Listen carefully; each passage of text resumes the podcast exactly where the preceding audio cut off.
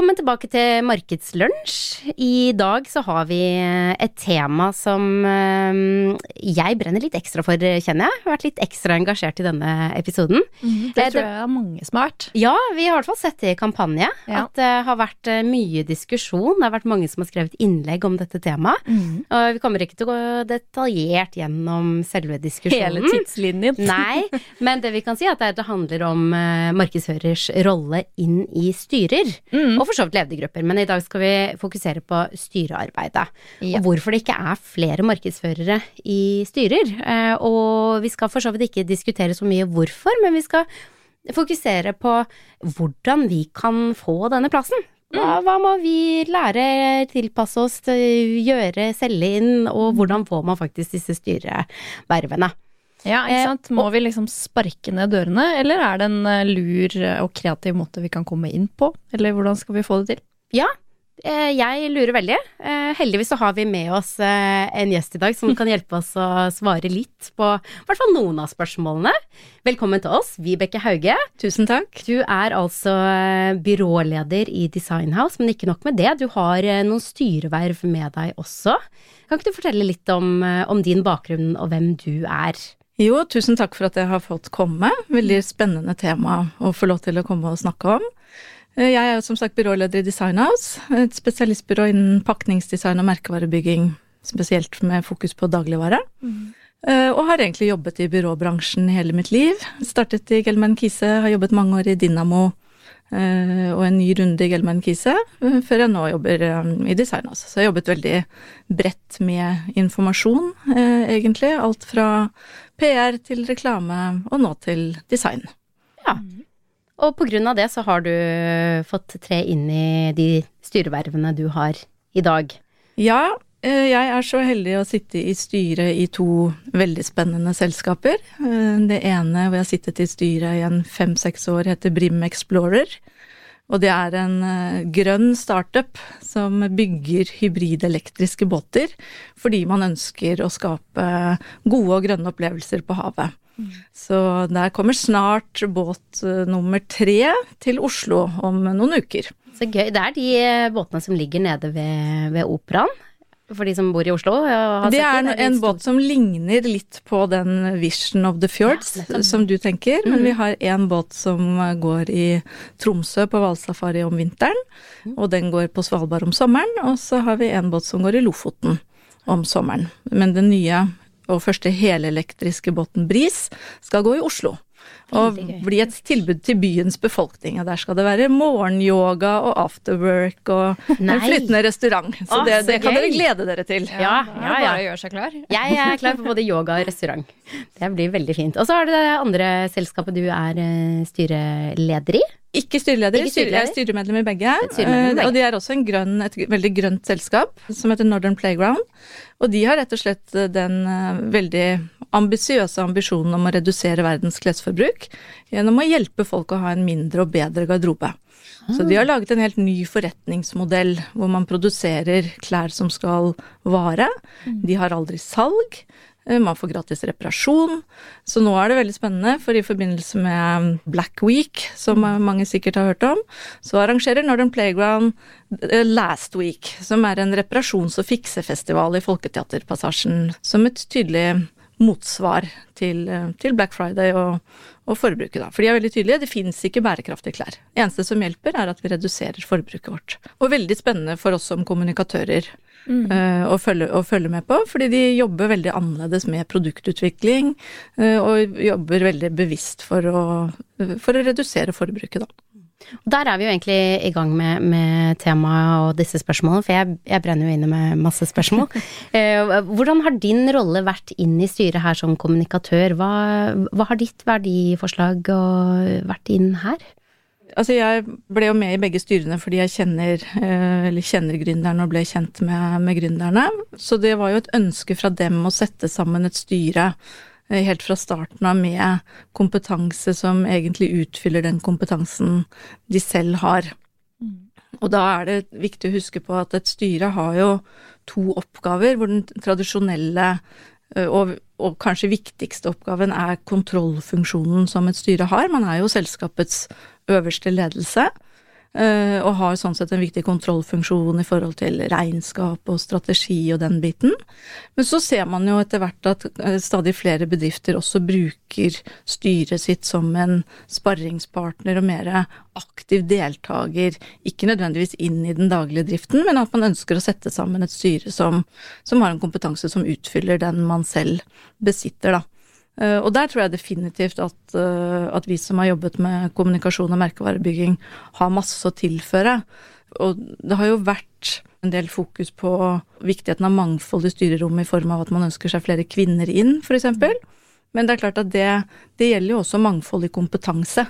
Og det er vel så enkelt som at uh, når man har ulike typer kompetanser inn i et styre, så kommer man inn med sin ulike erfaring og sine ulike perspektiver mm. på diskusjonene, og det tror jeg, uh, det tror jeg har stor verdi uh, i seg selv, egentlig. Mm. Ja, jeg tror definitivt du er inne på det på akkurat akkurat det med mangfold inn i styrerommet. Og da vi snakket med Klarna, så nevnte jeg at jeg hadde lest en artikkel som sa at Amazon alltid har én ledig stol i rommet som skal representere kunden i styrerommet, da. Så man alltid skal huske på kunden. Og det er jo det perspektivet vi som markedsførere alltid, alltid, og kommunikatører alltid har med oss, fordi vi glemmer aldri kunden og målgruppen vår. Det er top of mind hele tiden. Mm. Eh, og der tenker jeg at eh, vi nok kan bidra inn med ganske mye kompetanse og data og innsikt og analyser og, og ideer, og tenke litt nytt. Mm. Ja, det tror jeg du har helt rett i, og, jeg, og det er klart, vi som jobber med kommunikasjon, vi tenker jo at nesten alt et selskap holder på med, handler om kommunikasjon på et eller annet vis, da. Mm. Så sånn sett så er det veldig mange av de situasjonene et selskap står oppe i, hvor enten kommunikasjon kan spille en viktig rolle, eller man kan bruke kommunikasjon som virkemiddel for å løse øh, konflikter man kommer opp i, eller for å øke salget, ikke sant. Så det, det er mange områder kommunikasjon kan bidra inn på inn i et selskap, og kanskje særlig de små og mellomstore som ikke nødvendigvis har denne kompetansen in-house. Ja. Jeg fikk tilsendt en eh, rapport fra en kollega av meg som heter Scaling CMO Report. Og det er da en eh, undersøkelse gjort eh, på 200 CMO-er hvor de har svart på en del spørsmål i forbindelse med hva de jobber med, og hva som fungerer og ikke fungerer. Og en av tingene de skriver at management and boards are looking to marketing leadership for inspired thinking around business recovery. Og det tenker jeg er noe å ha med seg. Fordi vi som CMO-er sitter jo ofte med både kreativitet og ideer og den analytiske biten, og så har vi da kunden helt først i fokus, og så vet vi hvordan vi skal kommunisere med dem. Vi vet hvordan vi skal få de til å gjøre det vi trenger at de skal gjøre for at de skal få verdi, for at vi skal få verdi, og for at styret og bedriften og ansatte skal få verdi. Og den 360-tankegangen tenker jeg er eh, innmari viktig å ha med seg inn, og kanskje spesielt som du sier i de litt mindre bedriftene som er scale-ups eller grown-ups eller ja, som virkelig skal mm. jobbe med lønnsomhetsvekst. Ja, og jeg tror vi det er i hvert fall noe av det som har fascinert meg uh, gjennom de, de, styrevervene jeg har hatt, hvor kraftfullt verktøy det er når man virkelig setter merkevaren i kjernen av alt man gjør. Mm. For det tror jeg kjennetegner både Brim og Northern Playground. De er begge virksomheter som er veldig verdistyrt. De har startet med å lage en merkevareplattform som egentlig er kjernen i hele selskapets strategi, da. Og når du ser hvor mye kraft det er i å bruke merkevarebygging og kommunikasjon helt systematisk eh, hele organisasjonen er kjent med det, du bruker det virkelig som et styringsverktøy. Det er kanskje ting som vi som jobber med markedsføring tar litt for gitt. Og så ser man, øh, men, men, når man virkelig får brukt det godt, så ser man også hvor ekstremt effektivt det er, da. McKinsey har jo laget en rapport for noen år siden hvor de studerte tror det var over 300 bedrifter, der man så på hvorvidt investeringer i design og, og merkevarebygging lønner seg. De fulgte 300 bedrifter over fem år, og da ser man at uh, både er veksten raskere, og den årlige veksten i den femårsperioden er raskere for de bedriftene som har investert i design, og man ser også at avkastningen til aksjonærene er høyere. Så det begynner jo å komme dokumentasjon også på, på lønnsomheten av, uh, av, å investere i design og kommunikasjon, og det tenker jeg er Det er jo også et viktig Det er viktig å synliggjøre på en måte betydningen for forretningen da, av den kompetansen vi besitter, kanskje særlig inn i, eh, inn i styrerommene. Ja, for der føler jeg du er inne på noe essensielt, og som også ble diskutert veldig mye i den kampanjediskusjonen. Det er det at det, jeg tror alle var på en måte enige om at CMO-ene burde komme inn i styret og burde være mer til stede. Som du sier, vi sitter på kundeperspektivet, men at vi måtte være litt ærlige med oss selv på at vi kanskje ikke var gode nok til å knytte markedsføringsaktivitetene som ble gjort til eh, lønnsomhet, og til på en måte det språket som hva skal jeg si, resten av styret prater, da. Og at det mm. kanskje da var grunnen til at vi, vi etter hvert eh, altså enten ikke ble invitert inn i det hele tatt, eller at vi etter hvert ble på en måte byttet ut da med, med andre fagområder i, i bedriften. Så du er, du er, på en måte inne på det samme. Du er også enig i at vi, vi, må bli enda bedre til å kommunisere hvorfor vi skal være der, da, eller tydelig mot eh, de andre rollene? Ja, og så tror jeg det er, jo, det er jo veldig viktig å huske at kommunikasjon er et verktøy for å nå noen målsettinger. Det er jo ikke et mål i seg selv. Man jobber jo med kommunikasjon fordi man ønsker å endre mm. uh, et eller annet. Om det er å øke salget, ikke sant, eller å styrke merkevareassosiasjoner, eller hva det er. Men jeg tenker at det blir jo viktig å ha litt sånn to tanker i hodet samtidig også, da, ikke sant. Man må synliggjøre bidraget til forretningen, og så må man være god på å måle og ha et tilstrekkelig langsiktig perspektiv mm. også. Ikke sant? Så, så det å f.eks. se ok, hva slags mål skal man ha for kommunikasjonsarbeidet til selskapet, kanskje i et to-tre års perspektiv, og også erkjenne at det tar tid å flytte og endre vaner, da, ikke sant. Mm. Så det tror, jeg er veldig, det tror jeg er kjempeviktig. Men det å, det å synliggjøre effekt tror jeg blir viktigere enn en noensinne da, inn i styrearbeid også for kommunikatørene. Mm. Så så jeg også at det gikk på en måte litt diskusjon, det snakket jo vi også litt om tidligere, på en måte forskjellen på det å være markedssjef og være CMO, da. Og hvordan det også egentlig er to helt forskjellige roller. Hvordan på en måte markedssjefen selvfølgelig må gå inn og være veldig tydelig på mediemål og reklamemål, og kanskje dykke enda mer dypere ned i grøten, da, for å si det sånn.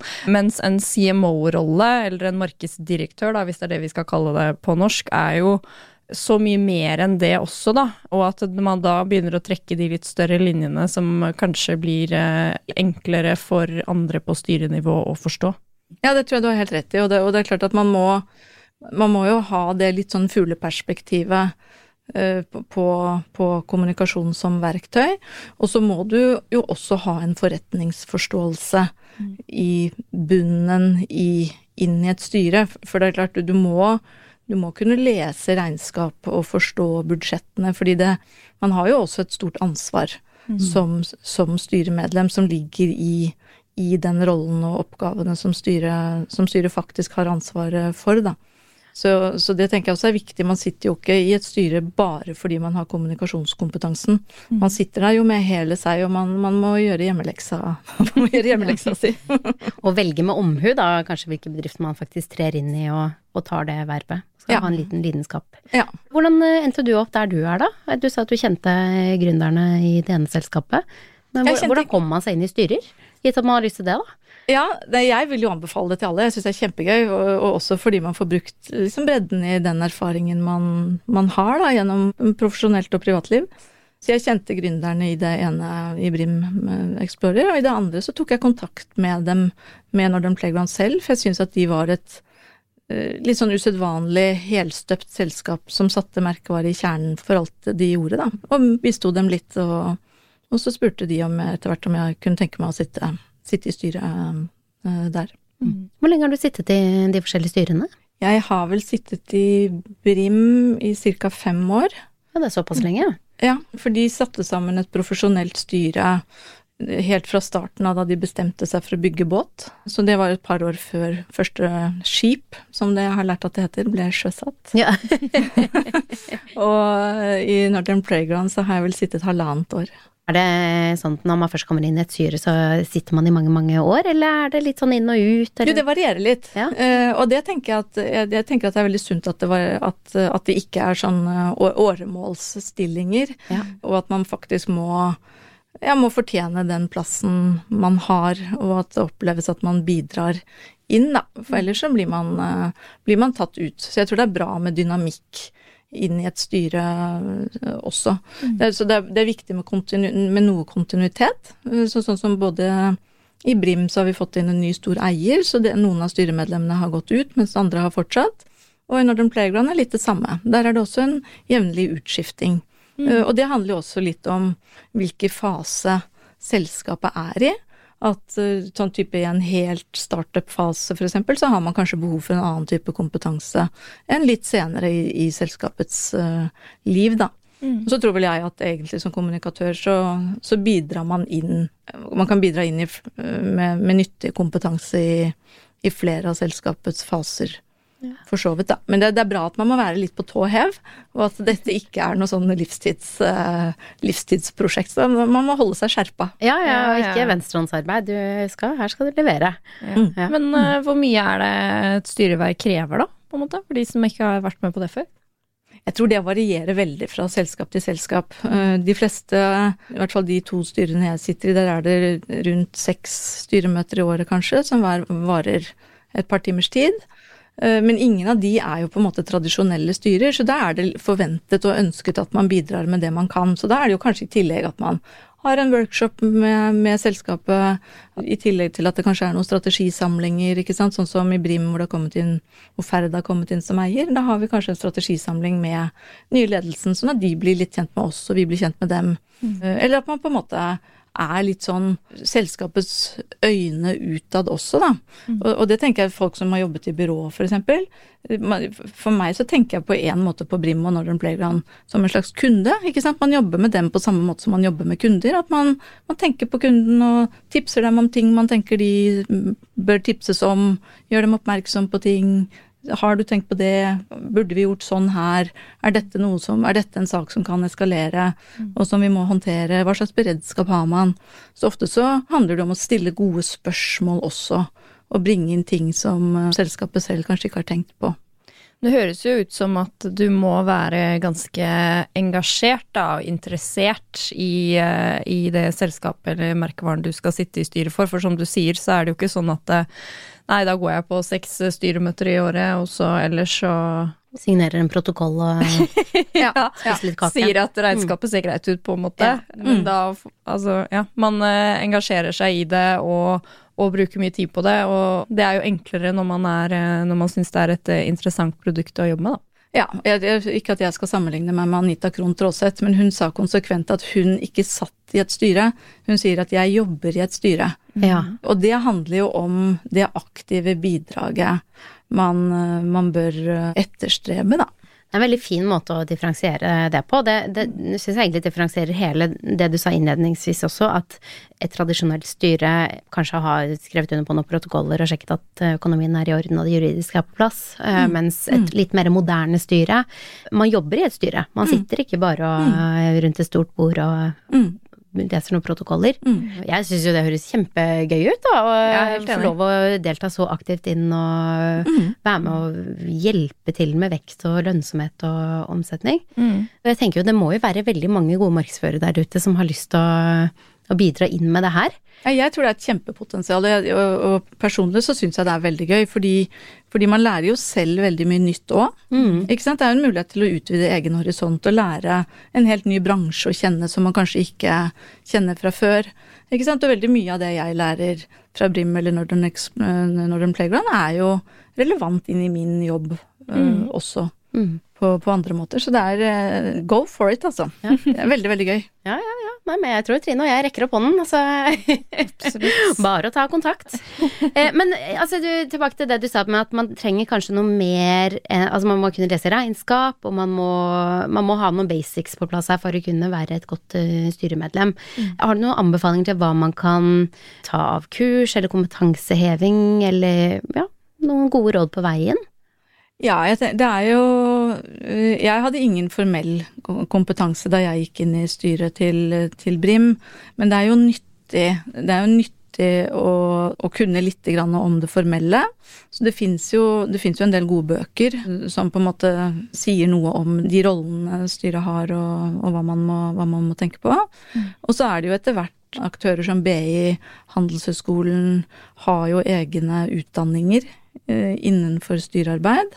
Og så har du også noen sånn, det er noe som heter Styreforeningen mm. og andre tilsvarende som også har kurs i styrearbeid, eh, rett og slett. Og det vil jeg, det, vil jeg anbefale å, å, se nærmere på hvis, hvis det er noe man uh, kunne tenke seg å, å forfølge og, og bruke, bruke, tid på. For det er, det er absolutt nyttig mm. å skjønne, skjønne, litt av uh, hvilket ansvar er det faktisk man har da, når man, mm. når man sitter i et styre.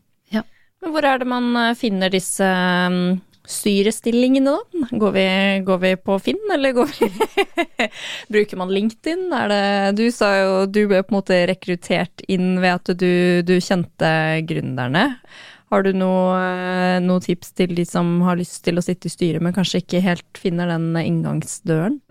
Det er jo egentlig litt rart at ikke styremedlemmer rekrutteres på samme måte som andre arbeidstakere. Det, det kunne jo vært en fin ting, tenker mm. jeg, mm. egentlig. At, at, det var eh, mer åpne prosesser. Jeg tenker at kanskje selskapene går glipp av gode kandidater ved at mange av disse prosessene er såpass lukkete, da.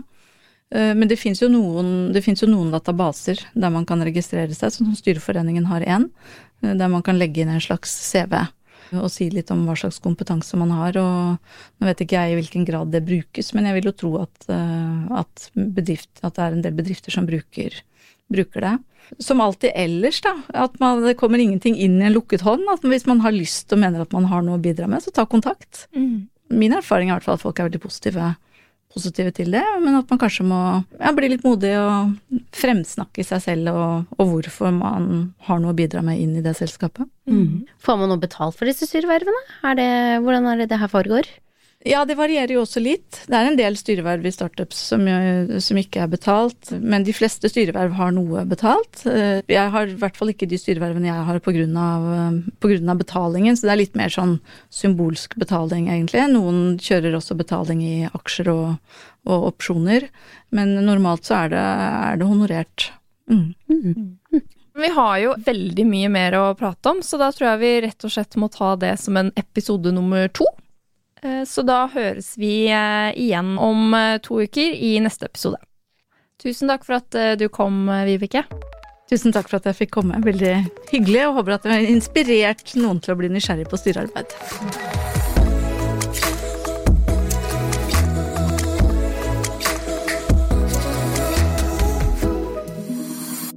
Denne podkasten er produsert av Freemantle Podcast for markedssjefene.